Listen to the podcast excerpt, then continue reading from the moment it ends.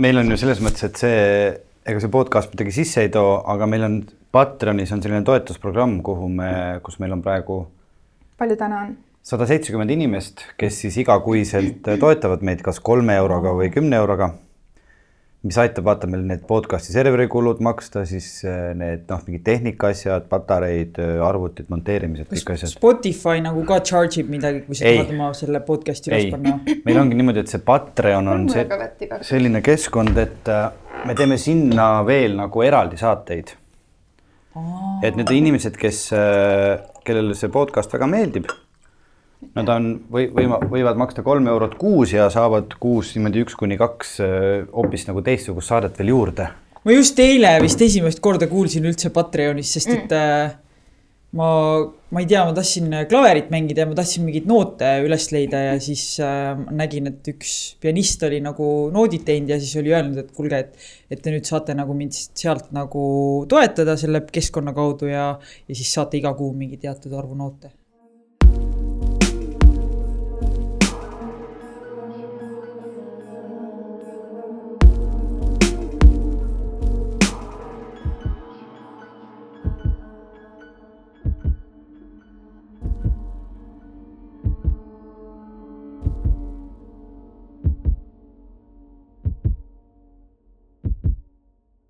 tere, head podcast armastusest kuulajad, kuidagi imelik on äh, tõepoolest olla, sest et me oleme nüüd Elinaga viimased kaks saadet teinud virtuaalselt äh, Youtube'i vahendusel siis teiega kohtudes ja ja isegi ma ütleks, et on veidi elevus sees, et me saame lõpuks ometi, ma ei mäleta, millal me viimati kahekesi, Elina, sinuga koos olime, nii et meil oli külaline saates. ja ma ka ei mäleta tõesti. ja meil on tõepoolest täna saates külaline, kelleks on Kristel Kruustükk, tere, Kristel. tere. ja Kristel äh, räägib endast ise, Elina tahab ka kindlasti midagi alustuseks öelda. tahtsin öelda, et meil tegelikult võib isegi öelda, et meil on täna külalised. jah. ja, ja me siin ennem tegime just äh, Instagrami story't ja siis ma ütlesin ka, et meil tuleb täna stuudiosse peaaegu kaks inimest, kes arvab ära, miks Krist... saab, saab mingi raamatu mult äh, kingituseks Kristel, kuule, kuidas. päriselt väga hea, meil on. Äh, mul on siis... üks väga hea raamat praegu käsil, mida ma hea meelega kingiks mõnele kuulajale. aga soovita, mis selle nimi on ja millest see räägib? see on äh,, ma praegult hetkel loen raamatut nimega It's about damn time, mis on kirjutatud ühe äh, USA-s tegutseva naisinvestori poolt, kes äh, pärast kolmekümnendat eluaastat sai aru, et ta äh, et elu on kuidagi nagu väga keeruline ja, ja finantsiliselt väga raske ja siis ta võttis lihtsalt eesmärgi, et ta tahab saada äh, investoriks ja investeerida äh, naistesse äh, ja vähemustesse, nii et äh, ja tänaseks siis äh, mingi nelja aastaga on ta investeerinud rohkem kui sajasse ettevõttesse naistesse äh,, inimestesse, kes on kas siis või noh, kes ongi nagu vähemused et see on nii minu arust inspireeriv ja see raamat lihtsalt, ma eile tellisin, mul on täna juba noh, nüüd ma ootan juba seda, et ma saaks koju tagasi minna ja ära lõpetada selle, nii et äh, ma võin vabalt ühele kuulajale selle raamatu kinkida. Mõnus, me polegi alustanud saadet nii, et kohe on olemas ka nagu kingitus kuulajatele, nii et trigger, kuulake lõpuni. aitäh, et sa jaksasid ja viitsisid ja tahtsid ja suutsid tulla siis nagu sellisel hetkel, kus kohe-kohe sa oled tegelikult sünnitamas ja, ja kus sul nii põnev raamat pooleli oli, et sa viitsisid tulla meiega kohtuma, aitäh. kuidas, äh, kui keegi äh, pöördub su poole ja, ja küsib, et, et mis me kirjutame sinu nime alla selleks tiitliks, mis see tavaliselt on, kes sa tunned, et sa oled? väga konkreetne vastus, äh, Testlio kaasasutaja ja ettevõtja. ja seda, seda ma olen nüüd olnud viimased seitse aastat ja ja meie mõju, nii-öelda minu ettevõtte mõju nagu globaalsel tasandil on äh, päris, päris suureks kasvanud, et me töötame maailma suurimate äh, mobiili äh, ettevõtetega või noh, äh,, ettevõtetega, kes arendavad mobiiliäppe. Ja meie äh, need, me puudutame umbes ühte koma viite miljardit inimest nende äppide testimisega, nii et, et meil on väga suured kliendid rääkides äh, Äh, näiteks meediaettevõtetest nagu CBS või Fox äh, kuni äh, igasuguste Expe-, Expediate ja, ja muude selliste ettevõteteni välja. aga kui Kristel kunagi väike tüdruk oli, siis kas, kas kuskil käis läbi mingi selline unistus, ma isegi ei tea, kas kas nagu nõukaajal me oskasime mõelda kuidagi sellise sõna raames nagu ettevõtja või ettevõtlus või naisettevõtja, et kelleks sa väiksena saada tahtsid? Ma kusjuures just äh, hiljuti äh, leidsin oma sõbranna selle vana sõbrapäeviku, kas te mhm. mäletate neid sõbrapäevikuid? lemmiktoit. ja, ja lemmiktoit, äh, mingi õde-vend, parimad sõbrad, mis mulle meeldib, mulle ei meeldi. ja siis äh, ma olin kirjutanud oma sõbranna päevikusse, ma olin viieteistaastane, ma olin kirjutanud, et ma tahan saada lõviks oh! saate aru ja et kuidas see võimalik on, vaata, et, et, et kuulajatele ka, et kõik saaksid siis aru, mis teema on, on see, et testilõvid on siis nagu see nii-öelda Testlio imago on ju, et, et meie nimi äh, sündis, minu ettevõtte nimi Testlio siis sündis täiesti äh, noh, lambist on ju mm, -hmm. ja siis ühel äh, mingi aasta aega hiljem pärast seda, kui me olime selle nimega nagu juba toimetanud, siis üks meie Äh, nõustaja, kes täna on meie tegevjuht, äh, ütles, et kuule, et kui te panete N-i enda nime lõppu, siis te saate Test Lions mm. ja Test Lion ja, ja sellest ajast saati ongi selline lugu meil. lõvid, väga äge. aga see on selles mõttes ka nagu ähm, hea kujund, kuna mina olen Kristeliga ühe korra varem kokku puutunud, kui me tegime Eesti parimate ettevõtete auhinnagalat ja Kristel ongi natukene nagu selline võimas lõvi, selline naisettevõtjate seas, et kui me praegu ka Kristelile otsa vaatan, tal on selline kohev lakk on, eks ole, sihuke hele siin istub siin toolis, et minu meelest see sobib, sobib väga hästi. Nii äh, armas, lihtsalt, et mitte kunagi mitte keegi pole minu kohta lõvi varem öelnud, kuni eile, äh, kuna ma teen endale mootorrattalube. ma vaatasin ühest päevast, sul oli mingi wow. motika pilt ma pole tegelikult öelnud seda kunagi kuskil avalikult, aga ei, lihtsalt no, kuna panid... sa nii ütlesid sõna lõvis, mulle tundus, et ma pean ütlema, et see minu sõiduõpetaja, ma siis äh, eile esimest korda õppisin möödapõiget ja siis see põige tuleb teha sellisel moel, et sa tunnetad kogu seda masinat enda nagu küljes või all, et sa oled temaga koos. ja kui ma seda siis esimesed korrad tegin, siis ta nagu kuidagi juhendas ja ütles mingeid asju ja siis ühel hetkel, kui ma siis nagu justkui esimese korra kohta perfektselt sellega hakkama sain, siis ta ütles mulle, ta pole kunagi mulle nii öelnud, Selina, tubli, see oli nagu lõvi, ma tundsin, et see on nagu lõvi. nii et äh, nii äge, et sa täna ütled selle sõna lõvi, sest et ma kuidagi mingi selle lõvitunde või mingi niisuguse targa naiseliku kasslase, kelles on sellist nagu võimu ja samas mingit pehmust ja väge. et ma olen selle peale mõelnud eilsest saati, nii et mul on nii tore kuulda seda. nii lõvi. lahe, vaata, kõik on kuidagi nagu ühenduses, on ju. Aga muidu, äh, kui sa jah, vaata küsisid esialgu on ju, et kelleks ma väiksena tahtsin saada, siis äh, mul äh, alati oli pigem vastuseks see, et mis mu õde taht-, kelleks mu õde tahtis saada. Mm., vaata, et minu jaoks on mu õde olnud alati see kelle poole ma olen nagu püüelnud. Ähm, ja, ja kui tema tahtis juristiks saada, siis tahtsin mina juristiks saada, kui tema tahtis saada politseinikuks, siis tahtsin mina politseinikuks saada, on ju, et, et pigem mul oli ikkagi see, et ma noh, ei teadnud, ei saanud päris täpselt aru, kes ma, kes ma olen kelleks ma saada tahan. aga ikkagi sellised nagu äh mõnes mõttes nagu võimukad ametid, jurist ja politseinik ja et, et see. jah, huvitaval kombel, jah. et, et mul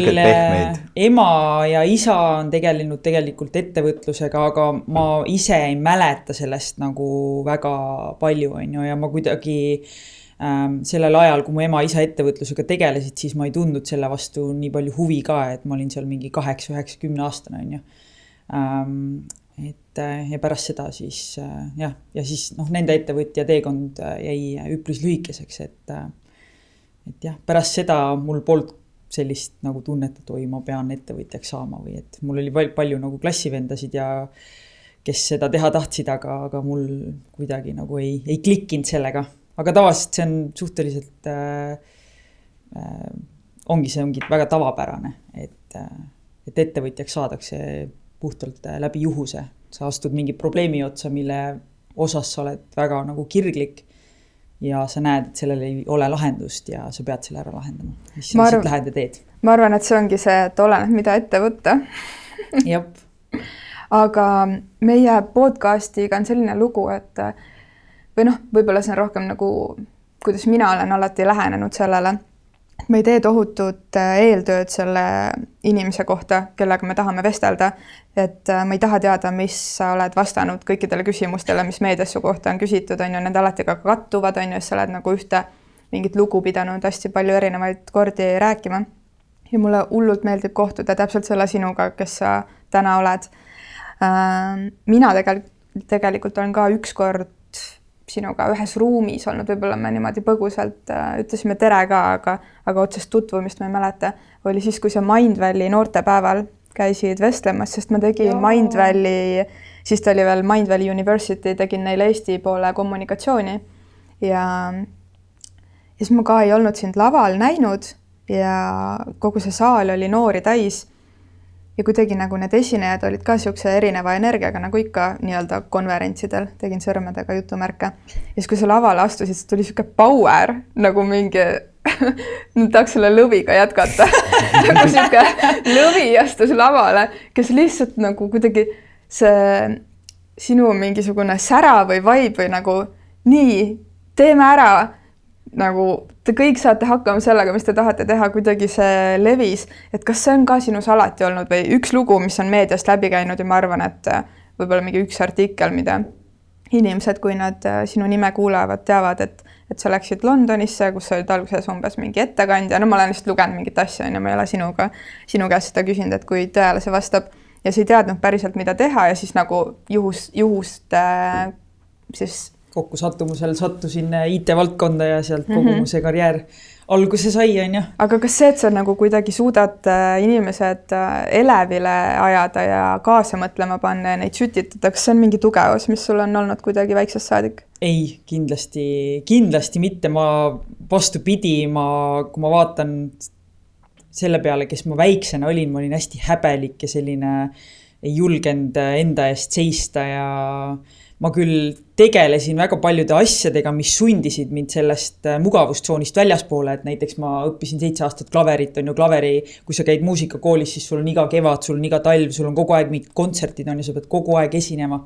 ja teiselt poolt mängisin korvpalli, on ju, et sa oled kogu aeg inimeste ees, on ju, aga ma ikkagi pidasin ennast pigem häbelikuks ja ja hästi palju läks äh, noh, korda ka see, on ju, vaata noh, ikka noortele läheb, on ju, korda see, mis teised nendest arvavad, on ju Äh, ja, aga jah, äh, nagu nüüd, kui sa nii huvitav, et kui sa sellest räägid, et, et kuidas ma täna laval olen, siis äh, see on minul puh-, puhas lihtsalt kirg selle vastu, mida ma nagu teen, et, et äh, mul on nii tohutult hea meel, et me oleme Testlioga jõudnud siia, kus me oleme jõudnud. ja nüüd on mul see võimalus jagada seda lugu noorte inimestega, öelda, et kuule, et sina saad ka sellega hakkama nagu et see mind hullult ennast lihtsalt inspireerib ja, ja, ja ma alati igale esinemisele lähen ka vastu äh, nagu sellega, et, et kui sellest saalist, saalitäiest inimesest, ma ei tea, sajast inimesest kasvõi üks inimene alustab ettevõtlusega ühel päeval või läheb tehnoloogia valdkonda ja hakkab neid stereotüüpe murdma, siis, äh, siis, siis ma olen võitnud nagu sellest et see mind, mind igapäevaselt nagu sütitab ja, ja see, sealt tulebki mu see säde ja see leek nagu. Aga, aga jah, huvitaval kombel ma olin täiesti sihuke, sihuke vaikne, vaikne, vaikne inimene väiksena aga kust äh, sa ise praegu oled sellises rollis, et sa inspireerid noori ja käid kõnelemas, et kust, kust su enda see inspiratsioon tuleb, kas sul on ka mingisugused äh,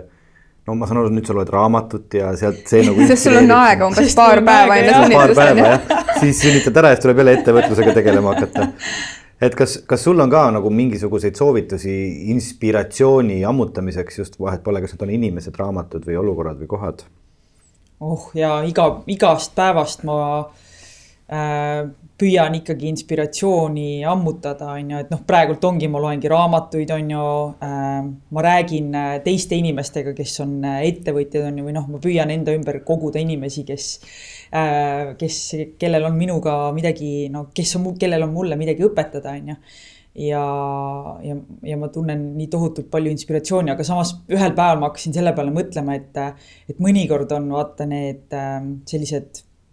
rasked ajad või nagu sellised momendid, kus sa tunned, et, et ükskõik, mida sa teed, et, äh, et sa tunned, et sul lihtsalt ei ole energiat, sul ei ole jaksu, sul ei ole,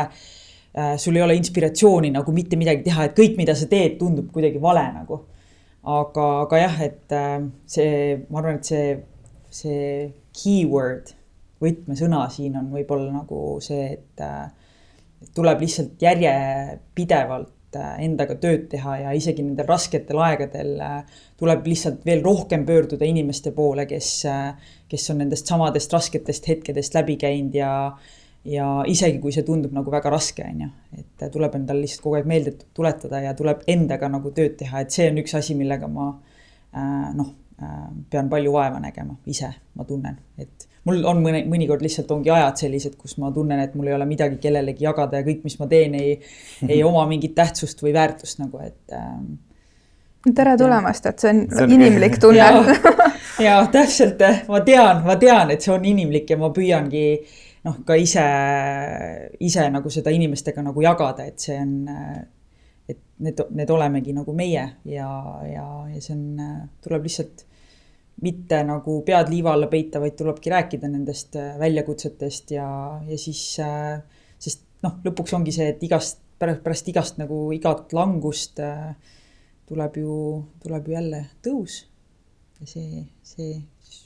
hoiab meid nagu liikvel. kas seda praegust aega vaatad ka niimoodi, et pigem ei ela mitte antud hetkes, et meil on selline keeruline aeg, ma kujutan ette, et ettevõtlusmaastikul ju samamoodi vaid vaatad ka, et see on nüüd nagu üks osa sellest protsessist, et nüüd on varsti jälle tõus tulemas või, või? ei, kindlasti, et seda ma noh, ma käisin siin paar nädalat tagasi just äh, Innove korraldas ka ühe sellise konverentsi haridusjuhtidele, kus siis räägiti nagu äh, tiimide juhtimisest kriisiolukorras. ja, ja ma seal ka hästi palju rõhutasin seda, et äh,, et see kriis on mööduv nähtus ja, ja nii ongi ja seda tuleb endasse äh, süstida ja ma tean, kui, kui raske on väga paljudel ettevõtjatel praegu, kelle käibed on langenud seal kaheksakümmend pluss protsenti on ju, et. et meie oleme väga nagu, ähm, meie testijaga oleme nagu väga õnnelik, nagu heas olukorras on ju. Ähm, et, äh, et meie, meil on pigem see, et noh, et kui me äh, ei tee mingit äh, suurt kasvu see aasta, siis see on täiesti okei okay,, aga noh, meil on oluline see, et meil on nagu äh, jah, käive nagu jääb sinna, kus ta on ja, ja ja, ja siis me tuleme sellest välja ja me, ja me tuleme sellest veel tugevamana välja ja tihtipeale sellised kriisiolukorrad nagu annavad sulle tiimina veel võimaluse äh, innovatsiooniks ja rohkem äh, istuda nagu maha ja, ja mõelda mingite paremate lahenduste peale, et seda ma olen ka nagu õppinud, et me oleme nüüd viimaste aastate jooksul siin Tesla algusajast oleme me umbes kolm kriisi on ju läbi elanud, see on võib-olla neljas. et olen õppinud, et äh, et need kriisiolukorrad annavad tegelikult võimaluse selliseks äh, järgmiseks nagu hüppeks äh, ettevõttes ja nii on alati no,. mul on ka tunne, et praegu on nagu mõnes mõttes natukene selline ümberprogrammeerimise aeg, noh, mina oma ühe mehe väikeettevõtjana ju tunnen sedasama, noh, ma ei saaks küll öelda, et ma tegelen ettevõtlusega, vaid pigem lihtsalt nagu endal hinge sees hoidmisega ja kui suvi jätab kõik need äh, asjad ära, mis äh, nagu minu siis jutumärkides ettevõttele. mis on siis kultuurimaastikul erinevad sündmused, sündmused, kuhu inimesed peavad kohale jõudma. peavad kohale jõudma, aga inimesed kohale tulla ei saa, et siis ma tunnen ka, et praegune aeg mõnes mõttes äh, on hirmutav, aga samas jällegi on ta hea, et ta hakkab mind iseennast ümber programmeerima, et ma üritan leida uusi lahendusi, uusi teid, kuidas edasi liikuda ja mismoodi teha, nii et ma usun ka, et kui me suudame kriisidest võtta nagu selle kaasa, et me suudame siit nagu mingisuguse uue arenguhüppe teha, siis on see väga äge. jaa, täpselt, et noh, praegult me juba näeme, on ju, kui kasvõi startup maastikul näiteks mingid ettevõtted, kes kes olid juba aastaid üritanud äh, näiteks äh, viia doktoreid kokku patsientidega läbi, äh, läbi mobiiliäppide, et nende nagu kasv sellel kriisimomendil on nagu meeletu, on ju samamoodi kõik see koju tellimine on ju mu ema, kes ei ole kunagi toitu koju tellinud, on nüüd, tellib on ju koju äh, toitu ja, ja nii ongi ja ma arvan, et ta harjub sellega ära ja samamoodi noh, mina tegin seda äh, ka mitte väga regulaarselt, aga nüüd mul on see, et iga nädal on ju Selver e, e-Selverisse ja paned oma tellimuse sisse ja see täpselt on ju, kõik on nagu paigas, et see tõesti. ja noh, samamoodi me oleme nende äh, igasuguste jõusaalide ja, ja, ja, ja selliste ettevõtete puhul ka näinud on ju, kuidas äh, läheks, minnaksegi online'i ja, ja mõeldakse igasuguseid lahendusi välja, on ju. ja nüüd sellest raamatust äh, äh, ma just ka lugesin nagu, kuidas see, see naisettevõtja, see raamat, kelle, kelle raamatut, see naisettevõtja, kelle raamatut ma praegu loen äh,. et temal oli ka nagu kahekümnendate täitsa alguses ikka, ta oli ikkagi jah, alla kahekümne sellel hetkel, tahtis oma ajakirja nagu launch ida, on ju, kümme tuhat dollarit oli puudu ja siis ta otsustas, et et okei okay,, mul ei ole seda raha kuskilt võtta, ma ei tea mitte ühtegi inimest, kellel see raha oleks minu sellesse ettevõttesse investeerida või sellesse ajakirja, et ma siis äh, võtan eesmärgi, et, äh, et ma kohtun kümne tuhande inimesega ja kui nagu kasvõi mõned neist annavad mulle paar, paar dollarit, siis, siis mul on võimalus see, see raha nagu teenida ja see, see ajaleht nagu nii-öelda siis lansseerida. Et tuleb lihtsalt kastist välja mõelda ja ma arvan, et need kriisiolukorrad tihtipeale panevadki mõtlema kastist välja jaa, aga räägime rahast et lihtsalt kuna see tuli praegu su lausetes äh, sisse äh,. hästi paljud inimesed jätavad äh, asju tegemata, unistused täide viimata äh,, kuidagi mis iganes äh, jah, kuidagi mõtted pooleli seetõttu, et äh, nad ütlevad endale, et neil pole raha. et äh, see sinu nimi on ka meedias käinud läbi sõnapaarina, et äh, miljonär on ju. et kui, äh, kui sa mõtled selle aja peale, kus see sõna miljonär sinuga kaasas ei käinud ja siis selle hetke peale nüüd, kus see sõna sinuga kaasas käib, siis äh, mis, mis selles osas on muutunud sinu kui naisega? Oh, nii hea küsimus, nii ähm, noh, ma olen endiselt ikkagi paberimiljonär, et on ju, et, et see ei ole päris nii, et mul istuvad miljonid kuskil kontol ja, ja ja ootavad investeerimist või midagi, et, ähm, et see on pigem lihtsalt selle tõttu on ju, et me oleme oma ettevõttega raha kaasanud ja see on meie ettevõttele mingi väärtuse on ju pannud. aga kui ma mõtlen selle peale, et mis, mis ma enne seda noh, mind tegelikult hullult häirib see, et minuga see sõna kaasas käib, sest tegelikult on see, et ma ikka struggle in ja ma ikka ehitan oma ettevõtet jah, me teeme miljoneid nagu käivet, on ju, ja nii, on ju, aga see ei tähenda, et see, et ma olen nagu miljonär, on ju ähm,. aga jah, et see, kes ma enne äh, Testliot või enne seda miljonäri nii-öelda tiitlit äh, äh, siis olin äh,. et kas see ju... miljon on toonud sulle mingi kuidagi nagu selle sisetunde, et I can do it, et kas see on nagu suuremaks saanud? absoluutselt äh,, absoluutselt mitte, et äh, see ei ole mulle mitte midagi juurde andnud, vähemalt ma olen ise nagu tundnud, et, et äh, ma tean, kust ma tulen, on ju, et äh, kui, äh, kui ma Testlioga alustasin, siis ma olin koos oma elukaaslasega Londonis ja enne seda olid meil selline väga raske aeg, kus ma otsisin Londonis tööd, on ju, mul polnud raha, ma elasin hostelites mingi üheksa poundi eest päevas, on ju, mul oli juba ressursiliselt, mul lihtsalt ei olnud nagu tegelikult ressurssi enam peaaegu et eladagi seal Londonis on ju ja jääda sinna, aga mul oli nii suur kirg äh, ennast ikkagi või nii suur see tahe ja soov, et ma pean ennast nagu läbi lööma seal Londonis on ju, et ma ei saa tulla Eestisse tagasi, sest et äh, see on äh, lihtne pääsetee on ju. ja, ja Londonis olles siis äh, mul lõpuks õnnestuski vaata nagu pooleteist, kahe kuu jooksul seal töö leida ja, ja kuidagi kõik nagu elu loksus paika, et et äh, ma ütleks, et see ettevõtja tee on mul nagu alati mingi nagu väga raske olnud ja, ja väga palju väljakutseid ja, see mingi miljonäri tiitel, mis mulle siin läbi meedia on antud, ei, ei tähenda nagu mulle mitte midagi, et see ei ole mulle andnud mitte mingisugust eraldi äh, recognition'it või, või noh, see on, ma tean täpselt, et ettevõtlus on väga raske ja ja ma panen iga päev nagu väga palju tööd ja aega ja vaeva ja pisaraid ja valu ja kõike sinna sisse nagu, nii et äh, see ei tähenda mulle mitte midagi. Aga mis suhe sul äh, rahaga on, hästi paljud inimesed äh, kuidagi ütlevad, et ah, et ei, et teeme selle projekti ära, et raha pole üldse oluline, et ei, et ma tulen niisama või et kuidagi. Ja mina, mul on mingi selline tunne, et, et raha on täpselt samamoodi energia, nagu on õnn, rõõm, mingisugune muu jagamine, et äh, et ma ei ole kunagi öelnud niisugust asja, et raha pole mulle oluline, aga ma ei ole ka seda öelnud, et raha on kõige olulisem, aga lihtsalt ma hullult väärtustan seda raha kui mingi selles mängus olevat energiat. Ja et, et ma väärtustan raha andes kuna meil on selline süsteem, on ju ühiskondlikus kokkuleppes, raha andes seda inimest, kes midagi teeb, et ma hea meelega annan raha kellelegi, kes teeb midagi hästi ja ma hästi hea meelega võtan raha vastu, kui keegi hindab minu tööd Mm. et äh, ja ma ise ka nagu praegu sellel ajal, kus me oleme, on ju, selles eriolukorras, et kuna minu töö on seotud ka äh, sellega, et inimesed tulevad kokku, siis äh, nii-öelda seda otsest sellist sissetulekut ei ole olnud mitu kuud ja siis ma mõtlen, et ma tahan ehitada endale Hiiumaale maja, on ju, mis kunagi oleks selline retriidikeskus, kuhu inimesed saavad üle maailma kokku tulla nagu täiesti looduse keskele ja ennast välja lülitada ja nautida sellist kohta nagu maamunal nagu Eestis üks väike saar, on ju. ja siis ma mõtlen, et nagu fuck, et see on, mul läheb vaja selleks mingi rohkem kui paarsada tuhat, on ju, et ehitada see selliseks nagu, nagu see on nii, nagu ma olen terve elu mõelnud, et see võiks olla. mul ei ole lihtsalt seda raha, ma tean, et nagu sellega, mida ma teen, ma ei teeni seda raha, aga mul on nii su suur sisetunne, et et see, et see on õige, et see on võimalik ja raha osas on see tunne, et maailmas on nii palju raha, nii palju raha ja, ja see sõltub lihtsalt sellest, et kus see raha parasjagu paikneb, et ta kogu aeg liigub aga et kuidas ta liigub õigesse kohta, et mis suhe sinul on kuidagi rahaga või mis, mis, mis sa tunned? no raha on absoluutselt äh, kindlasti väga oluline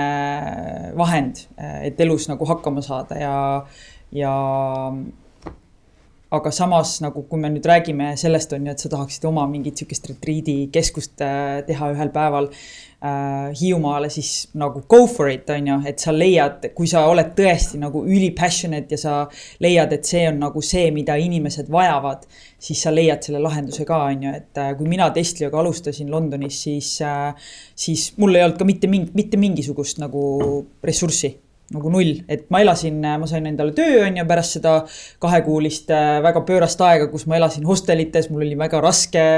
Äh, ja ma lõpuks leidsin selle töö, aga ma elasin kogu aeg kuust kuusse ja siis äh, tekkis selline olukord lihtsalt on ju, kus ma nägin ülisuurt probleemi selles valdkonnas, kus ma siis töötasin, ehk siis tarkvara testimine ja ma nägin seal probleemi ja ma leidsin, et nagu mitte keegi ei lahenda seda probleemi, et seal on tohutu nagu potentsiaal on ju sellel, sellel turul ja ma pean leidma selle lahenduse, et, et selle ettevõttega alustada nagu ja siis sul ongi tehnoloogia ma maastikul on äh, hästi palju lahendusi täna on ju, ma olen täiesti kindel, et igal pool turismivaldkondades nii edasi tehakse samasuguseid nagu äh, üritusi, aga noh äh, tehnoloogia valdkonnas oligi häkathon siis on ju. Häkathon on siis üritus, kus saavad kokku, ma ei tea, disainerid, arendajad, ettevõtjad ja kes siis mingi väikse aja jooksul panevad kokku prototüübi ja siis ma läksin sinna koos oma elukaaslasega. ja meil, meil polnud ju mitte mingisugust raha ja, ja selle, selle peaauhind, selle ürituse peaauhind oli kakskümmend viis tuhat dollarit ja ma teadsin, et kui ma sinna kirja panin ennast, siis ma mõtlesin, et ma pean selle võitma nagu ja, ja siis oligi see, et me läksime sinna häkatonile. me ei maganud mitte ühtegi tundi, me panime kõik oma, kõik oma teadmised sinna sisse ja siis lõpuks kaks kuud hiljem nagu me olime saanud esimesed kliendid, on ju äh,, lihtsalt tänu nagu nendele kontaktidele, kellele me sealt ürituselt leid-, saime. ja, ja siis tuli see esimesed kakskümmend viis tuhat dollarit, mis me võitsime, mis oli küll investeering, on ju. aga see oli nagu suur võit ja andis meile nagu jõudu äh, selle asjaga nagu edasi liikuda, nii et inimesed alati äh, noh, see ei ole nagu mitte mingi vabandus, et aa, et keegi et ma ei tea inimesi, kellel ei ole raha või kes tahaks investeerida või kes tahaks aidata mul selle unistuse ellu viia, et, et nagu seal on, seal on võimalusi väga palju. nagu alati on võimalus leida see, see raha, kui sa väga-väga tahad. ükskõik, mis teed pidi. su äri ja su elu on päris seotud, kuna sa teed oma firmat koos äh, abikaasaga. kuidas see välja tuleb? Väga hästi jah, ma isegi äh, ei äh, noh, ei kujuta ette, et ma seda kellegi teisega teeks, sellepärast et äh, me oleme sellest Markoga hästi palju rääkinud ka äh,. ma olen sellest blogisidki kirjutanud, vist ühe või kaks äkki või ähm,. et äh, minu jaoks noh, ma tõesti ei kujuta ette, et ma seda kellegi teisega teeks, sest et ettevõtlus on nagu nii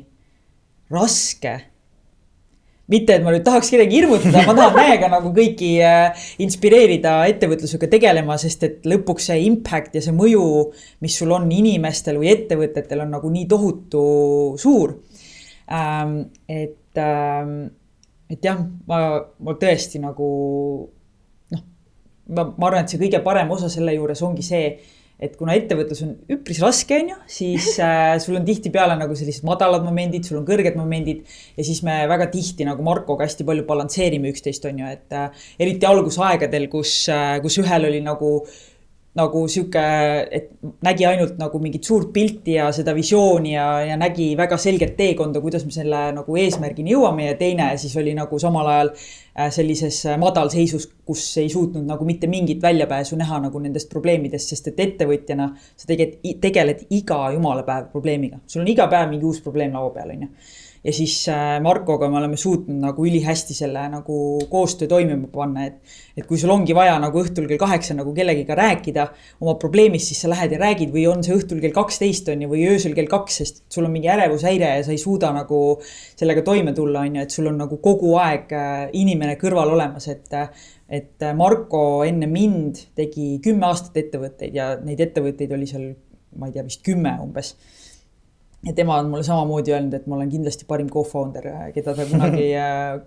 kes tal kunagi olnud on, et meie koostöö on tõesti nagu hästi sujunud ja, ja, ja noh, ma arvan, et see, see kogu see alus sellele ongi see, et me oleme nagu, me oleme väga erinevad. aga me erinevused on ju nagu ikka rikastavad üksteist ja, ja meil on nagu tohutu austus ja, ja me alati kuulame üksteist ja, ja oleme valmis üksteiselt nagu õppima ja, ja, ja see on see, mis on meid siia täna nagu toonud. et äh, mulle täiega nagu jah, meeldib. aga suhte mõttes ma küll olen tundnud seda, et vahepeal tahaks lihtsalt omaette olla, et tahaks nagu, ma ei taha kogu aeg nagu kakskümmend neli seitse koos olla, et tekiks see harvem tuled, armsam oled moment kasvõi natukene või et saaks igatseda või et kui sa näed kogu aeg mind nagu kas näiteks mingi Äh, närvilisena mingit probleemi lahendamas või natukene kuidagi nagu mingi dressipükstes natuke slushina kodus diivanil on ju, et tahaks seda date'i momenti, et äh, me oleme nagunii kogu aeg koos, on ju, aga nüüd märka minust seda naist või vii mind nagu päriselt välja, nii et sa viid mind kui naist välja. et kuidas see balanss toimib äh, algusaastatel ei olnudki võib-olla seda balanssi vaata nii palju, et siis oligi nagu testlio, testlio, testlio, aga ühel hetkel äh, noh, me saime ka aru, et see ei ole nagu väga skaleeruv, on ju, et äh, noh, mina hakkasin läbi põlema, on ju. Äh, ma olin nagu kõik oma hinge ja, ja kõik oma hinge ja südame olin sinna ettevõttesse pannud, siis kui mõni madal moment tuli, siis mul oli nagu täiesti, ma olin täiesti nagu laastatud, on ju, sellest, sellest hetkest ja siis, äh, siis me saime aru, et, äh, et tuleb äh, tekitada see aeg, kus me olemegi kui pere, me käime sõpradega väljas, me käime üksteisega väljas, meil on oma hobid, on ju. et, et tuleb küll nagu mingisugune nagu piir leida, vähemalt pärast mitmeaastast nagu koostööd me saime sellest aru. aga meil ei ole kunagi olnud seda, et meil oleks mingid konfliktid või, või mingid sellised momendid, kus me ütleme üksteisele, et oi, et enam ei, enam ei saa niimoodi jätkata, on ju, et seda ei ole kunagi olnud, et see on alati hästi sihuke sujuv nagu protsess olnud. et huvitav, me oleme hästi jah, kuidagi nagu lihtsalt klapime nii hästi, et, et ma ei ole jah kunagi nagu sellise nurga alt mõelnud nagu sina nii äge, ma praegu lihtsalt, kuna kuulajad ei näe su nägu, et lihtsalt kogu see sinu mingi sihuke mm, lapsekandmise mingi helendus. Ja siis see, kuidas sa räägid oma mehest niimoodi, et nagu lihtsalt nii äge ja su silmad säravad, seda on lihtsalt kõrvalt nii, nii kihvt tunnistada.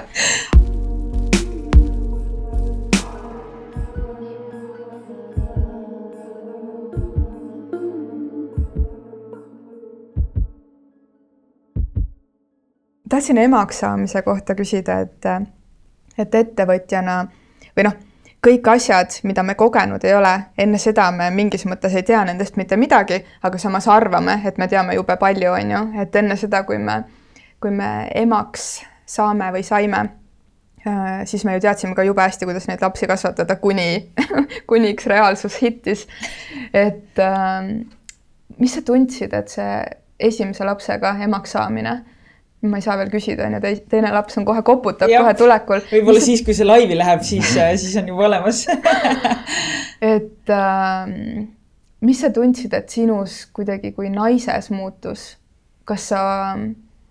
kas sul tekkis juurde mingi pehmus, kas sul tekkis juurde mingi, kas lõvi läks kuidagi kurjemaks või lõvi läks, milliseks see lõvi muutus?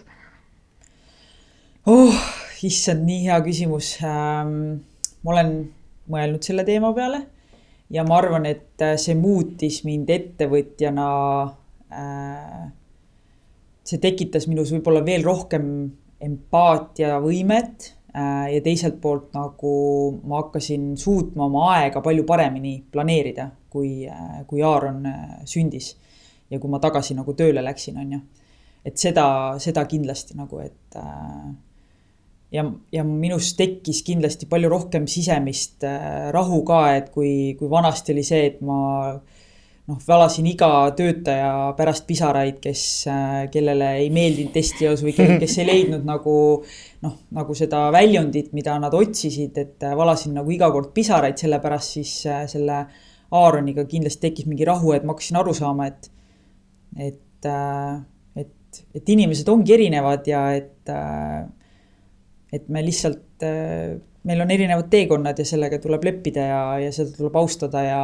ja, ja noh, kõige selle olu, kõige selle nagu alus ja, ja mis on oluline selle juures on, on lihtsalt see, et me räägime üksteisega ja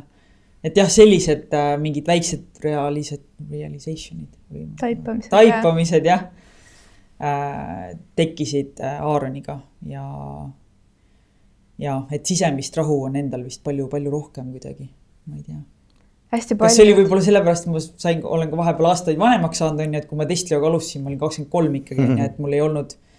mitte noh, mul oli ikkagi paar aastat ainult on ju töökogemust äh,. ma ei olnud äh, ju väga paljude erinevate tiimidega koostööd teinud rahvusvahelisel tasandil on ju, et äh,. et noh, ma ei tea, võib-olla see on lihtsalt nagu sihuke aegade kokkusattumus on ju, aga, aga ma ise kuidagi tunnen, et Aaron andis sihukest äh, õpetas, õpetab väga palju nagu kannatlikkust ja sihukest äh, mõistmist.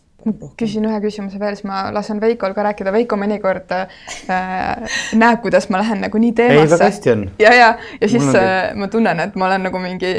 pall on minu käes, aga ma tahtsin. tore on vaadata, kaks naist omavahel lobisevad ei, päriselt, päriselt väga hästi. et ähm, nii, mul läks nüüd, mul oli, läks saba, saba läks käest ära ähm, oota korraks. rääkisime lastest, kannatlikkus, mõistlikkus. aa, just, et ma tahtsin küsida selle küsimuse, mis ka igal naisel peas käib mingi hetk, et justkui see on valik, kas üks või teine, et kas karjäär või pere äh,. ja hästi paljud naised, mida päev edasi kogu aeg äh, näitavad, et äh, seda kõike saab ühendada ja selle ema rolli äh, võtta kaasa kui tugevuse oma töösse, kas sa tunned sama? jaa, absoluutselt, aga noh, ma arvan, et Eestis on väga palju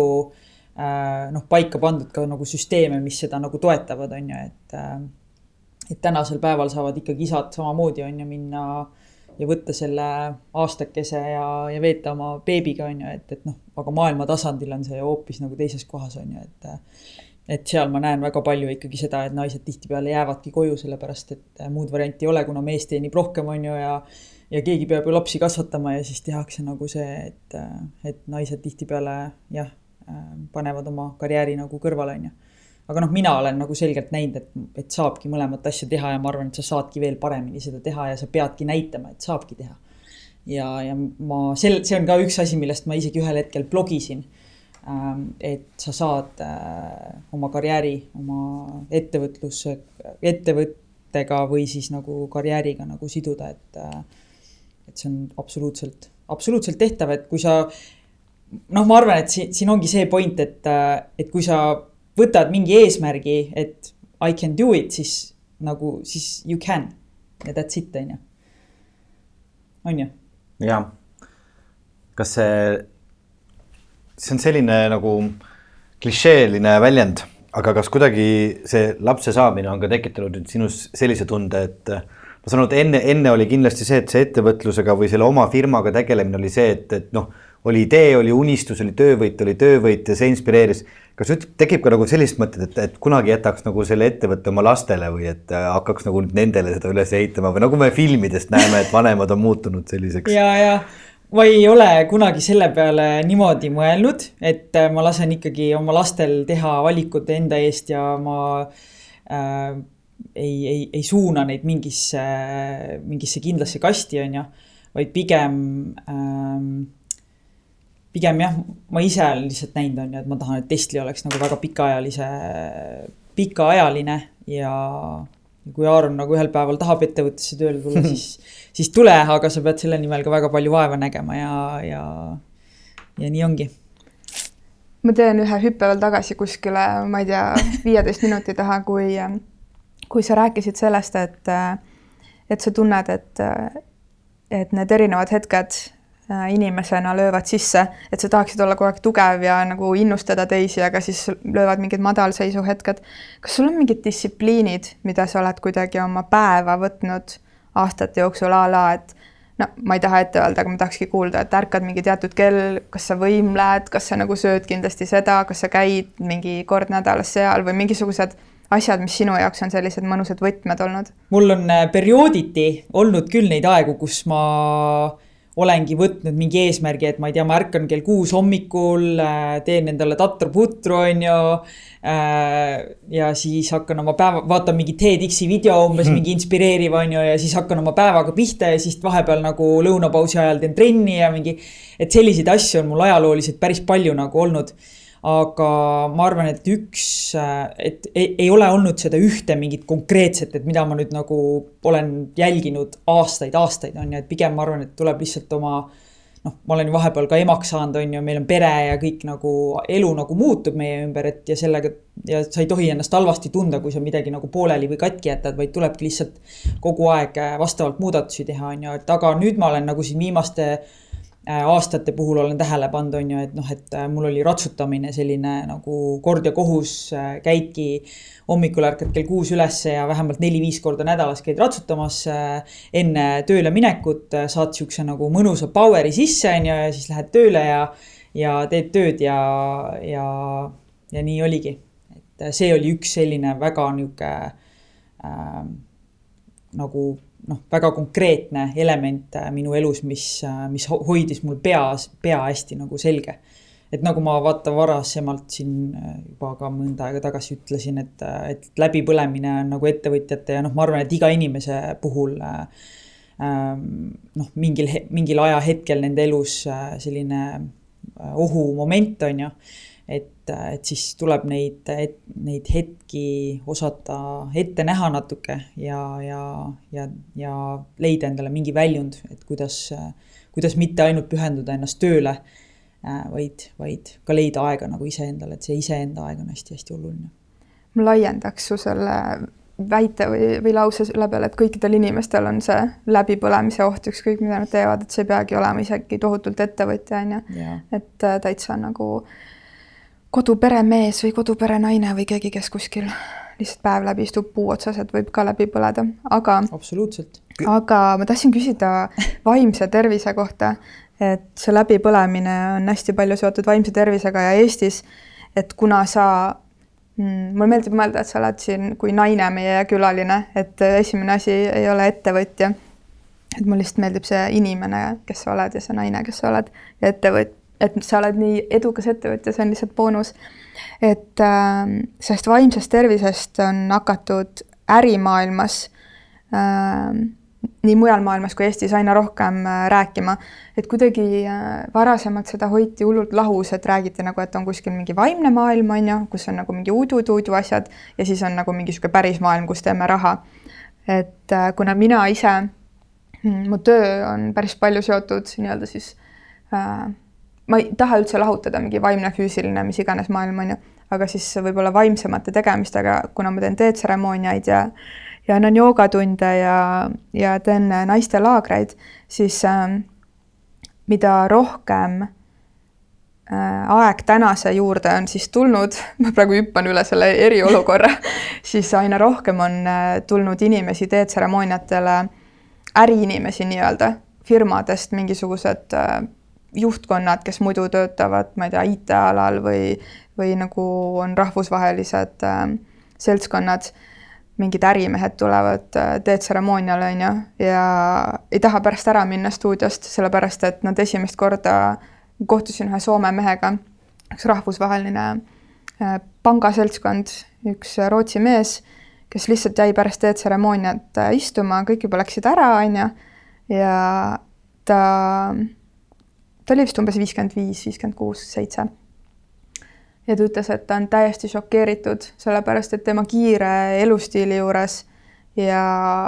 tööl kogu aeg on vaja probleeme lahendada, nagu sa ütlesid ka, onju.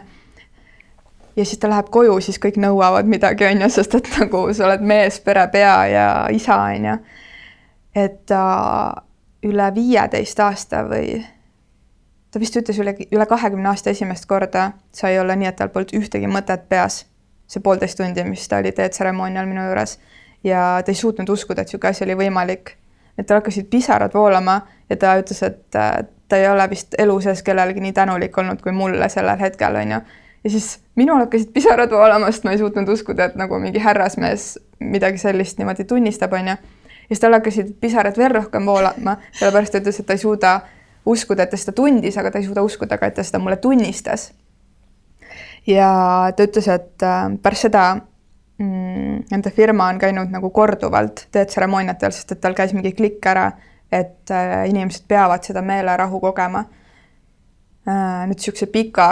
sissejuhatusega jõuan siis küsimuse juurde, et, et ähm, kas, kui oluliseks sina pead vaimse tasakaalu eest hoolitsemist ja kas te kuidagi firmasiseselt ka sellele rohkem tähelepanu pöörate? oh, mega hea küsimus äh,. aga ma tahtsin lihtsalt öelda, et. auhinna heade küsimuste eest. ja äh,, et nii äge lugu minu arust, et äh, ma olen ka nagu tähele pannud, vaata, et äh, et ma ei tea, kui ma vaatan oma ema, vanaisa, vanaema on ju, et äh,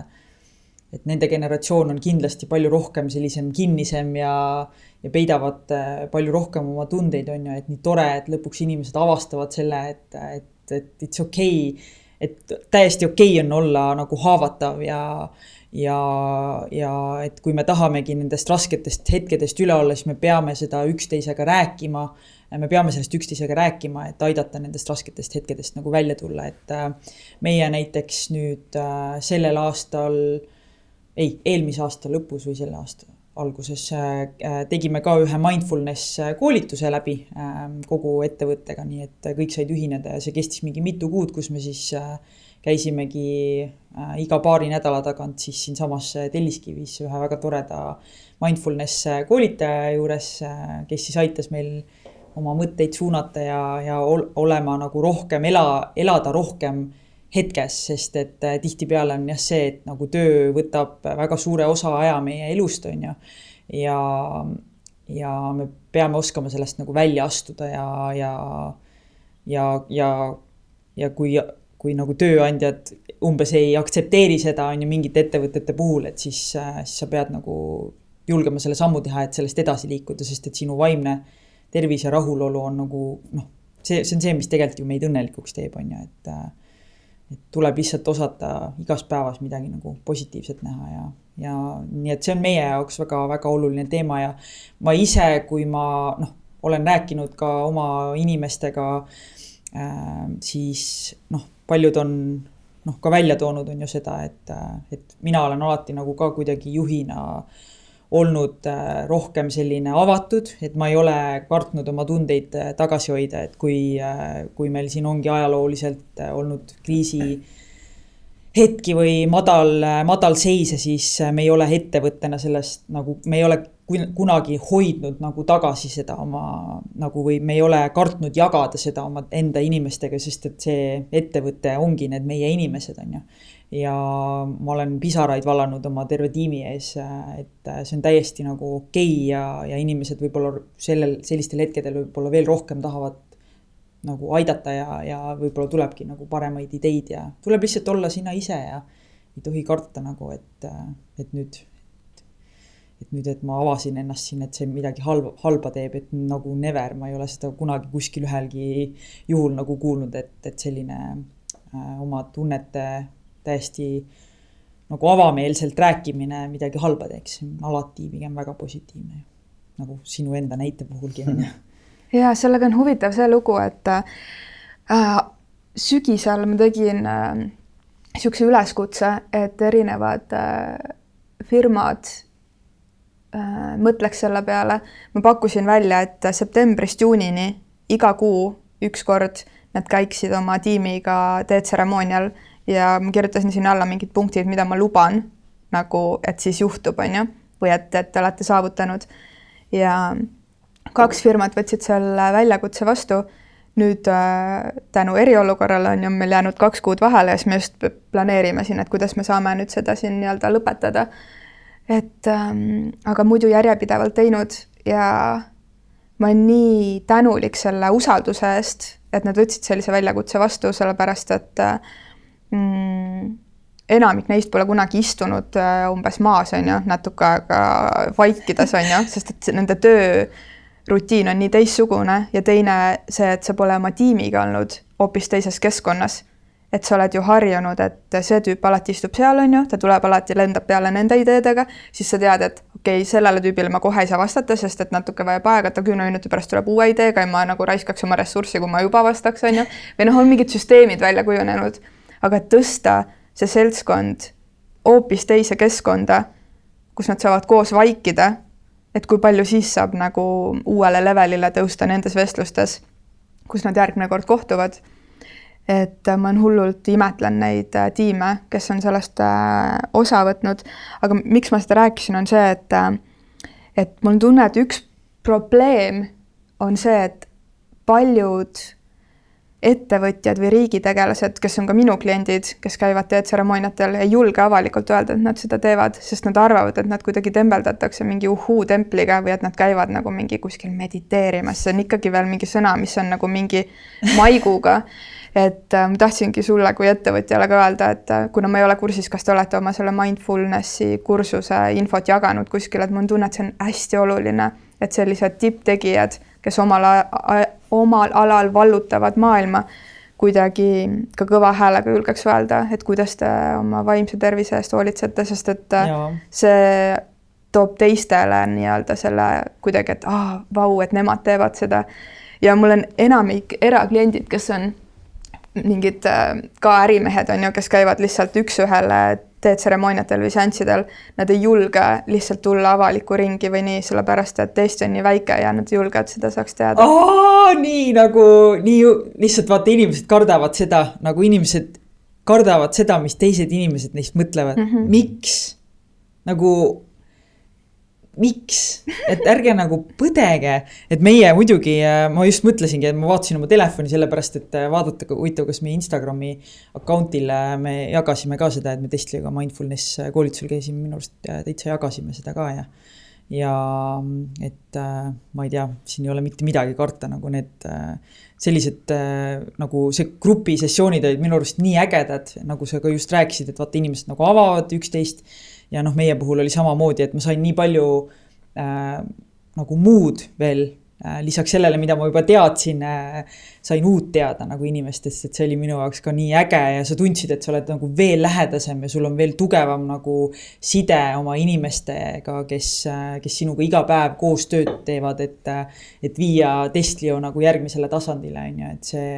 ma igal juhul nagu kõik ettevõtjad või kõik inimesed, kes siin äh, kuulavad seda podcast'i ka on ju, et, äh, et rääkige oma, rääkige oma bosside ja juhtidega, et äh,, et see on väga hea mõte. nagu asi, see tasub, tasub investeerimist, sest et nagu ma ütlesin ka, on ju, et töö võtab nii suure osa meie elust, on ju, et äh, ja, ja see et ettevõtjana näiteks me ju peame ka selle peale mõtlema, on ju, et me me ei taha, et meil juhtuks selline olukord, kus iga poole aasta tagant on sul vaja positsioonil inimest vahetada, sest ta, sest ta põleb läbi või ta ei oska oma tunnetega nagu toime tulla või. või sa ei oska tegelikult inimest nagu avada, on ju, et, et mindfulness koolitused ja üldse noh, kõik sellised koolitused väga palju aitavad äh, sellel suunal ka juhte ja, ja see tõstab ka tegelikult ju töötajate äh, nagu rahulolu ja see on nii oluline ähm, sellises äh, kiiresti liikuvas maailmas, kus sa kogu aeg tunned, et oh my god, ma jään mingi rongist maha või midagi, et, et äh, ei jää, ei jää see midagi ma ei tea, kuidas ühe sellise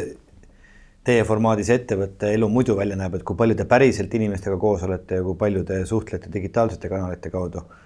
ma mõtlen, kas see olukord, mis meil nüüd on olnud siin äh, mina juba neid nädalaid enam lugeda ei suuda, mitmes nädal see käib. ma ka ei tea et äh, ma olen kuulnud, nii paljud räägivad, et oh kui tore, et nüüd kõik on töötanud kodukontorites ja saamegi sinna jääda ja et see ongi uus normaalsus ja uus tulevik. et mis, mis sa nagu ise tunned selles, kui palju teie, kui palju sul on vaja juhina seda inimkontakti ja kui palju võib see kõik käia nagu digitaalsete kanalite kaudu? noh, meil on vaata kaks või noh, kui sa vaatad Tesliot, siis on nagu kolm sellist nagu osa, on ju, et meil on, meil on tiim äh, olemas Eestis, on ju, meil on mhm. tiim USA-s ja siis on meil lisaks sellele sisemisele tiimile, kes tegeleb igapäevaselt platvormi ehitamise ja kliendi äh,, kliendi nagu toetamisega on meil ka testijad, kes on nagu üle maailma laiali ja nemad on need inimesed, kes on eh, noh, aegade algusest, testi algusaegade algusest on, eh, ongi testinud äh, nagu oma kodust, on ju, aga tihtipeale on neil nagu mingi oma mingi töö, on ju mida ja testijat tehakse nagu väga tihti kõrvalt, on ju. aga nüüd, kui ma vaatan testija seda sisemist tiimi, siis siis siis see eriolukord on näidanud, et äh, väga paljudele inimestele Eestis ongi, meeldibki nagu kodus töötada ja nad on leidnud nagu mingisuguse rütmi ja ja, ja neile meeldib see, et nad pigem näevadki, et nad tahaksid sellist nagu tööviisi jätkata. et a la, et nad käivad paar korda nädalas äh, kontoris võib-olla äh, mingitel miitingutel ja siis saavad nagu inimestega suhelda ja ülejäänud aja nagu töötavad kodust, aga teine ja siis on meil teine osa inimesi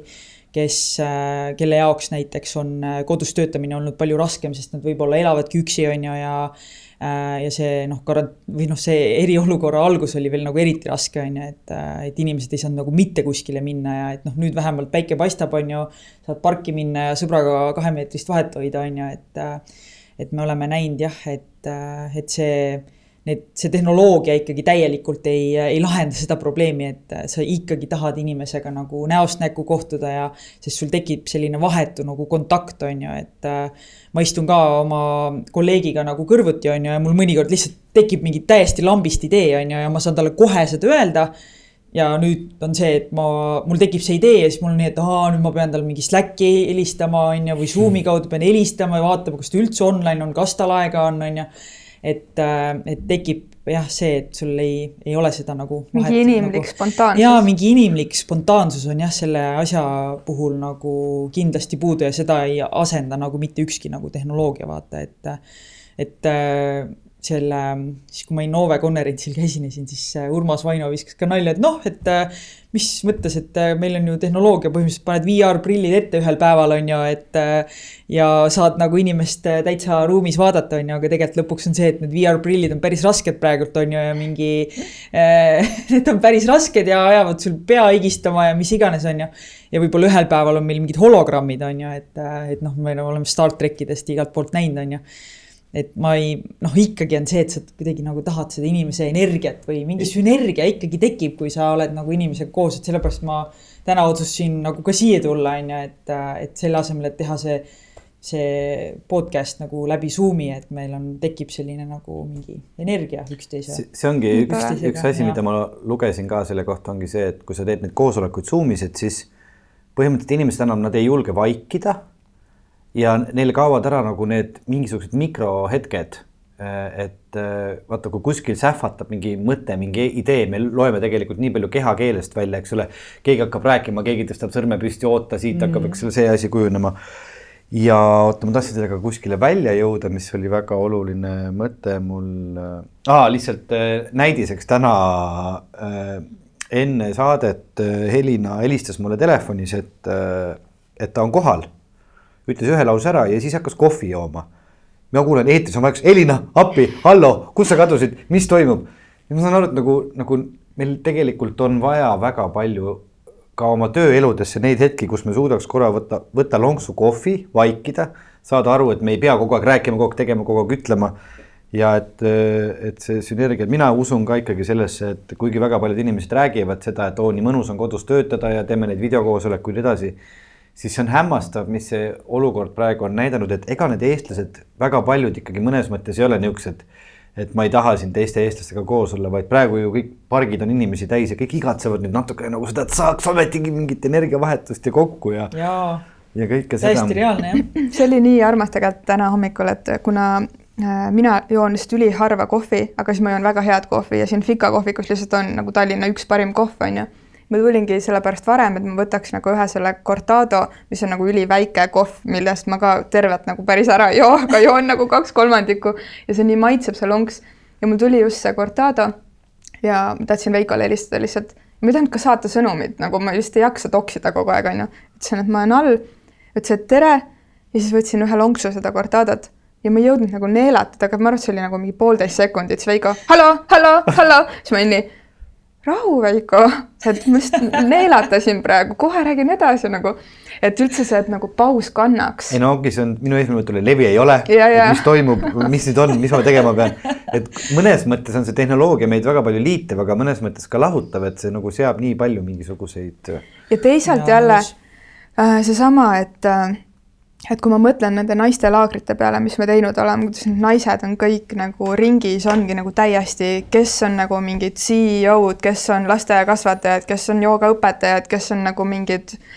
noh, nagu mingid äh, lauljad, kultuurnikud, lihtsalt koduperenaised on ju, lihtsalt koduperenaised, Elina, come on, kes ütleb nii, koduperenaised, et äh, nii erinevad naised, aga selles ringis, kus sa külg külje kõrval istud kõik on lihtsalt naised ja need lood on nii universaalsed ja seal on nagu hoopis teine vägi. ja nüüd teisalt selle eriolukorraga, mis minu jaoks on täielik üllatus, et teetseremoonia, mis on nii füüsiline, et sa reaalselt jood teed, on ju, et tuleme kokku ja see tseremoniaalne nii-öelda mm, kogu setup äh,, et see on nii füüsiline ja nii kogemuslik ja ma ei tulnud selle peale mitte kunagi iialgi varem, et seda võiks teha Zoomis ja ma olen terve selle eriolukorra aja teinud äh, virtuaalseid teetseremooniaid ja see on lihtsalt ebareaalne, et need toimivad. ma ei suuda siiamaani, eile oli nüüd kaheksas selle eriolukorra ajal, ma ei suuda uskuda, et need on toiminud niimoodi, et iga inimene istub oma kodus, ma olen kõik selgitanud neile, kuidas sa teed oma setting'u, mis on ju, ja nad võtavad vastutuse selle ruumi loomise eest nii-öelda selle püha ruumi loomise eest iseendana, iseendaga seal kodus. Aga ma juhendan neid ja me joome üle Zoomi teed, mis on teinud sellise asja võimalikuks, et kaheksakümmend inimest üle maailma, eestlased, kes elavad kuskil Austraalias, Saksamaal, ma ei tea, kus, Šveitsis on ju, saavad ühineda, sest nad kunagi muidu ei jõua mu stuudiosse, sest nad pole sellel ajal Eestis, kui toimuvad, on ju. et jälle nagu teistpidi täiesti uskumatu, et nii saab nagu juua tööd, et nagu. see on minu jaoks ka nagu väga üllatav, et, et selline nagu teetseremoonia nagu toimib. Mis jälle, jah, just on aga see. aga noh, see nõuabki vaata inimeselt ka noh, noh näiteks kui äh, sul ongi ma ei tea, lapsed kodus, äh, kellele sa pead koduõpet andma või sul on, äh, ma ei tea, koer haugub kuskil selja taga või tahab pai või, äh, või sul on abikaasa, kes vajab abi millegiga, et siis see võib nagu olukorda raskendada, et noh, ma näiteks siin ise äh, siis äh, noh, nüüd mul saab kohe, kohe peaks uus beebi sündima, on ju, et siis äh, alguses ma mõtlesin ka minna hüpnosünnituse nagu kursusele, on ju, mis aitab sul nagu oma, oma meelega nagu tööd teha, on ju. ja, ja siis äh, sellega oli see, et nad, äh, nende kokkusaamised siis olidki iga kahe nädala tagant kolm tundi korraga, on ju, ja siis see konverteeriti nagu online'i, aga mul ei oleks kunagi olnud võimalik äh, seda, seda kõnet teha nagu kodust äh, kolm tundi korraga, sest et sul on see aeg nagu lapse ja, ja, ja abikaasa jaoks, on ju, et, et jah sellisel juhul see ei toimi näiteks jah, aga samas. aga korraks... tore, et sul või, o, tekkis see võimalus nagu. ja, ja selle muidugi sellest äh, teest nii palju rohkem rääkida, aga lihtsalt veel äh, et vastates, et äh, ma olen ka inimestele öelnud, et see ongi okei okay. et me oleme nii hullud gurud kõik, kui me mõtleme selle peale, et sa oled üksi kuskil koopas ja mediteerid, on ju, kõik on nii sennid, aga kui sa lähed nagu Prismasse ja seal on nagu mingi kellelgi on jama sinu ees või taga või keegi laps röögib või keegi nagu õiendab müüjaga, et mingi asi on valesti, on ju, et kus see kuru siis kaob. ja täpselt see praegune aeg ongi nii, et nad peavad vastutama selle eest, et nad ütlevad samamoodi oma mehele või naisele, neid see ei ole nii, et teetseremooniad on ainult naistele, kes tahab osa võtta, ütlevad, et kallis, see on praegu minu aeg, on ju, minu nagu poolteist tundi, et äh, et ma olen nüüd siin toas või et minge õue jalutama või et ma lähen ise sätin ennast õue kuskil, on ju. ja et ma lihtsalt olen nii palju korrutanud seda, et see on okei okay, kui see koer tuleb sinu juurde ja nagu paneb sulle sabaga vastu pead või kui see laps tuleb ikkagi nagu emme või mees ütleb, et kuule, ma ei leia ikkagi seda kombet, millega pidin õue minema, on ju. et see on osa lihtsalt praegu sellest hetkest, et hoia oma seda senni, see on nagu suurim praktika. muidu ja. sa tuled alati minu juurde ja sa annad vastutuse mulle, et ho mina hoian seda ruumi ja sa saadki puhata, aga see on nagu next level. ja see on nagu päris äge nendele olnud. ehk siis sa tegelikult nagu õpid ka looma seda nagu zen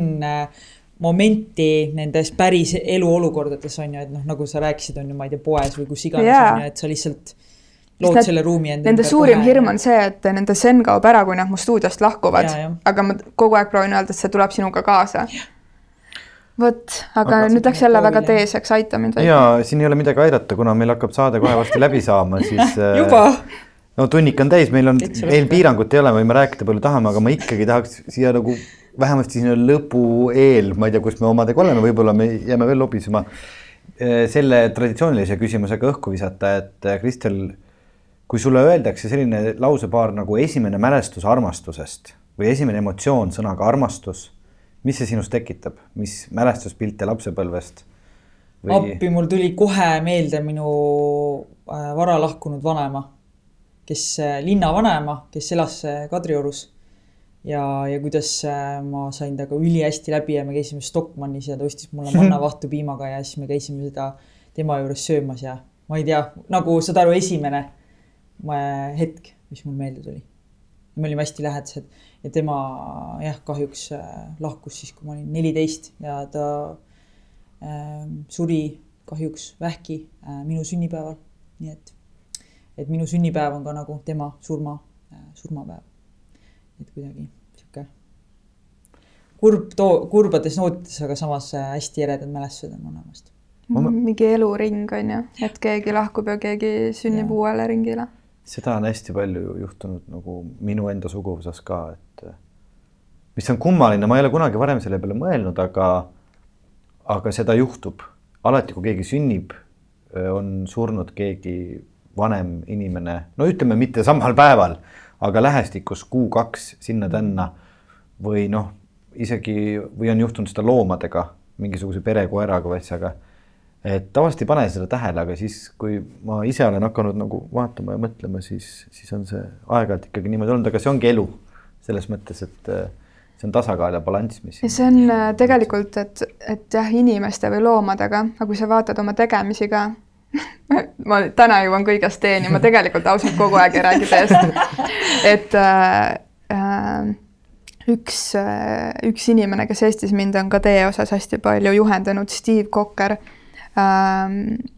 tegi äh,, rääkis ühe, ühe sellise Hiina legendi või, või muinasjutu või, või muistendi või kuidas iganes nimetada, et äh, hästi lühidalt kokkuvõttes see lugu on selline, et äh, üks tüüp on ju, kes kuulis, et mägedes elab mingi väga vana tark äh, guru on ju, et äh, ta läheb tema juurde, sest et ta tahab vastuseid kõikidele oma küsimustele on ju, siis ta mingi matkab läbi, ma ei tea, rahe ja pussnugade ja nagu väga kaua läheb aega ja ta on nagu näljas ja no mida iganes on ju, paljajalu lõpuks ja jõuab kohale ja siis ta on natukene nagu sihuke ängis ja väsinud ja, ja näeb, et lõpuks, et seal on ikkagi nagu see kuru olemas, on ju. Ja siis jõuab sinna kuidagi roomates nagu täiesti vile läbi ja hakkab oma juba neid küsimusi nõudma ja kõike, et tema on nagu nii pika tee maha, maha käinud, on ju, siis see guru vaatab teda lihtsalt ja ütleb, et, et tule sisse, et, et joo, joome natuke teed, on ju, et, et võtame väikse hetke. ja siis ta nagu mõtleb, mis tee on, mis asja, ma olen nüüd nagu nii palju rännanud, on ju, et nagu vasta nüüd mu küsimustele, et ma olen nii palju vaeva näinud. ja siis äh, nagu kogu aeg proovib vahele sõita sellele teele nende küsimustega. lõpuks, kui see tee on nagu seal podisenud ja siis see guru hakkab seda teed kallama sinna kaussi, annab talle kausi ja hoiab seda kaussi käes ja kallab ja kallab ja muudkui kallab ja kallab ja see kauss saab täis ja ta kallab ikka ja see kauss voolab üle ja kallab ja kallab ja siis see mees läheb aina rohkem närvi ja niimoodi ja nagu ja siis lõpuks nagu kuidagi röögatab. ja siis see meister ütleb talle, et, et näed, et, et äh, et kui sa ise oled nagu nii täis kõike, nagu nii ülevoolav, et siis see ei mahu rohkem juurde. et, äh, et, et see tee, mis on sulle mõeldud, on ju, et see ei mahu sellesse kaussi ära, sest et kõike on nii palju, kõike on nii palju, et mine tee natuke ruumi ja siis tule uuesti tagasi, et siis räägime. ma olen seda lugu nii palju kuulnud ja iga kord kuidagi tuleb mingi erinev versioon, aga mul tulid praegu külmatäpid, et lihtsalt kuidagi seesama eluring et, et me nii tihti küsime midagi juurde või et juhtuks midagi või et areneks edasi või et tõuseks uuele levelile. Aga, aga kui palju sa oled nõus enne seda nagu ära andma või koristama või puhastama või ruumi tegema selleks, et see uus saaks tulla? see on ka niisugune mõnus meisterlikkus. ilusti öeldud. täna ongi olnud, äh, ma olen rohkem, mitte, mis ma tahtsin öelda, mina olen lasknud naistel rääkida. vabandust, see lause. aitäh sulle, Veiko, et sa oled lubanud meil vestelda. Äh, naised on ise täna rohkem vestelnud ja ma olen ennast natuke ka tagasi hoidnud, aga Kristel, siia saate lõppu. kui sa saaks midagi öelda Eesti naisele, mis see oleks? või naisele. või lihtsalt naisele midagi oma kogemusest, oma mätta otsast või noorele naisele, kes meid kuulavad, meid kuulavad ka väga noored inimesed ja see ei pea olema naine, see võib olla ka mees. no ma tihtipeale alati lõpetangi oma igasugused esinemised äh, sellega, et, äh, et ära anna kunagi alla ja, ja, ja mine vii oma unistused täide, et see on kõik sinu enda teha ja, ja nii ongi. Ma lihtsalt nii, nii siiralt usun sellesse, et see on kõik meie, meis endis kinni, mida me oma eluga saavutame ja saavutada tahame. nii et lihtsalt võta, et mine, mine ja tee ja proovi asju ja, ja kui kohe välja ei tule, siis ära nagu lase ennast sellest heidutada, vaid see on nagu täielik protsess ja see õpetab meile need kõik need äh, challenge'id ja väljakutsed õpetavad meile nii mõndagi ja, ja, ja lõpuks see edu ka tuleb, et, et sellist overnight success'i on väga-väga-väga-väga äh, vähe. aga teeme ühe lõpu veel sellele saatele et kui sa ütlesid, et sa tavaliselt lõpetadki nii, aga lõpeta täna teistmoodi väga huvitav küsimus ähm,. issand, mis mis ma veel ütleks, ma, ma ütlen alati nagu erinevalt, on ju, aga noh, see on nagu minu see põhisõnum on ju, et ma tahan, et, et inimesed äh,, inimesed julgeks, julgeks, julgeks teha ja julgeks olla et see on see on, see on kõige-kõige alus. rohkem lõvi. jah, rohkem lõvi jumala hästi öeldud. ja nüüd, kui Elina äh,, meil on Kristeliga väike kingitus, meil on Igor, kui Elina seda sealt kapi pealt ära ah, võtab, mina, Igor, räägin seda, et äh, oota, aga me, seda... kuidas me selle raamatu äh, auhinna siis äh, välja, kuidas ma saan selle välja jagada? no meie kuulajatele? ma mõtlengi, et äkki me võiksime seda teha samamoodi, et kui... meil on äh, Patreon, me tahaks alati helitada kuidagi neid inimesi, kes meid ka päriselt toetavad. ehk siis äh, tahtsingi just tänada neid inimesi, kes on meid selle viimase kuu jooksul hakanud Patreonis toetama, et äh, äkki ma suudaksin välja, kuna me oleme nagu eetris on ju, siis sul on, sul on vaja lubada sul on vaja tubli, tubli olla. et äkki saab sellise asja sult äh, kuidagi välja meelitada, et äh, me palume, et inimesed saadaks küsimuse sulle ja me ise valime sulle sealt ühe küsimuse näiteks ja saadame sulle selle voice'iga ja sa saad voice'iga sellele küsimusele vastata nii et see võib-olla tuleb selline väike paariminutine lihtsalt helifail, mille me saame patroonidele üles panna. nii et ma saan aru, oota, ma nüüd üritan siis tehnilise mhm. inimesena ülesannet sõnastada mm. -hmm. et kõik, kes te meie saadet praegu kuulate, saate meie meiliaadressile tere.armastuses.com saata ühe küsimuse Kristelile mm. -hmm. me valime sealt kõige parema küsimuse välja mm, -hmm. millele Kristel kaks minutit vastab ja see kõige parem küsimus saab auhinnaks selle raamatu. kas sulle sobib? jaa, see on nii lahe. väga tore ja ühtlasi siis äh, paneme selle ka Patreoni toetuslehele üles, selle väikese vastuse, saate seda kuulata. ja kingitus on lihtsalt Chado teepood on oh., on jaganud teed ja ma tihtipeale unustan äh, seda meie külalistele anda ja nüüd pole ammu külalisi olnud ja mul tuli meelde, et ma olen unustanud, nii et sul on, sul on üks see ja ma ei tea, miks. nii äge. me selle ikkagi lõvilainega lõpetame, et äh, ma tahtsin kuidagi kinkida sulle oma selle raamatu Lukuga päeviku ja nad on kõik erinevad, äh, need kalingurid on erineva värviga ja siis ma vaatasin seda roosat ja sinist ja kuldset ja siis ma tõin sulle selle kollase, nii et kollane nagu lõvi. jaa, täitsa lõpp. kõik on nii seotud. aitäh. aitäh kuulamast ja kohtume jälle kahe nädala pärast. ja, ja pehmet äh, seda maandumist uuele ilmakodanikule. aitäh sulle. aitäh, aitäh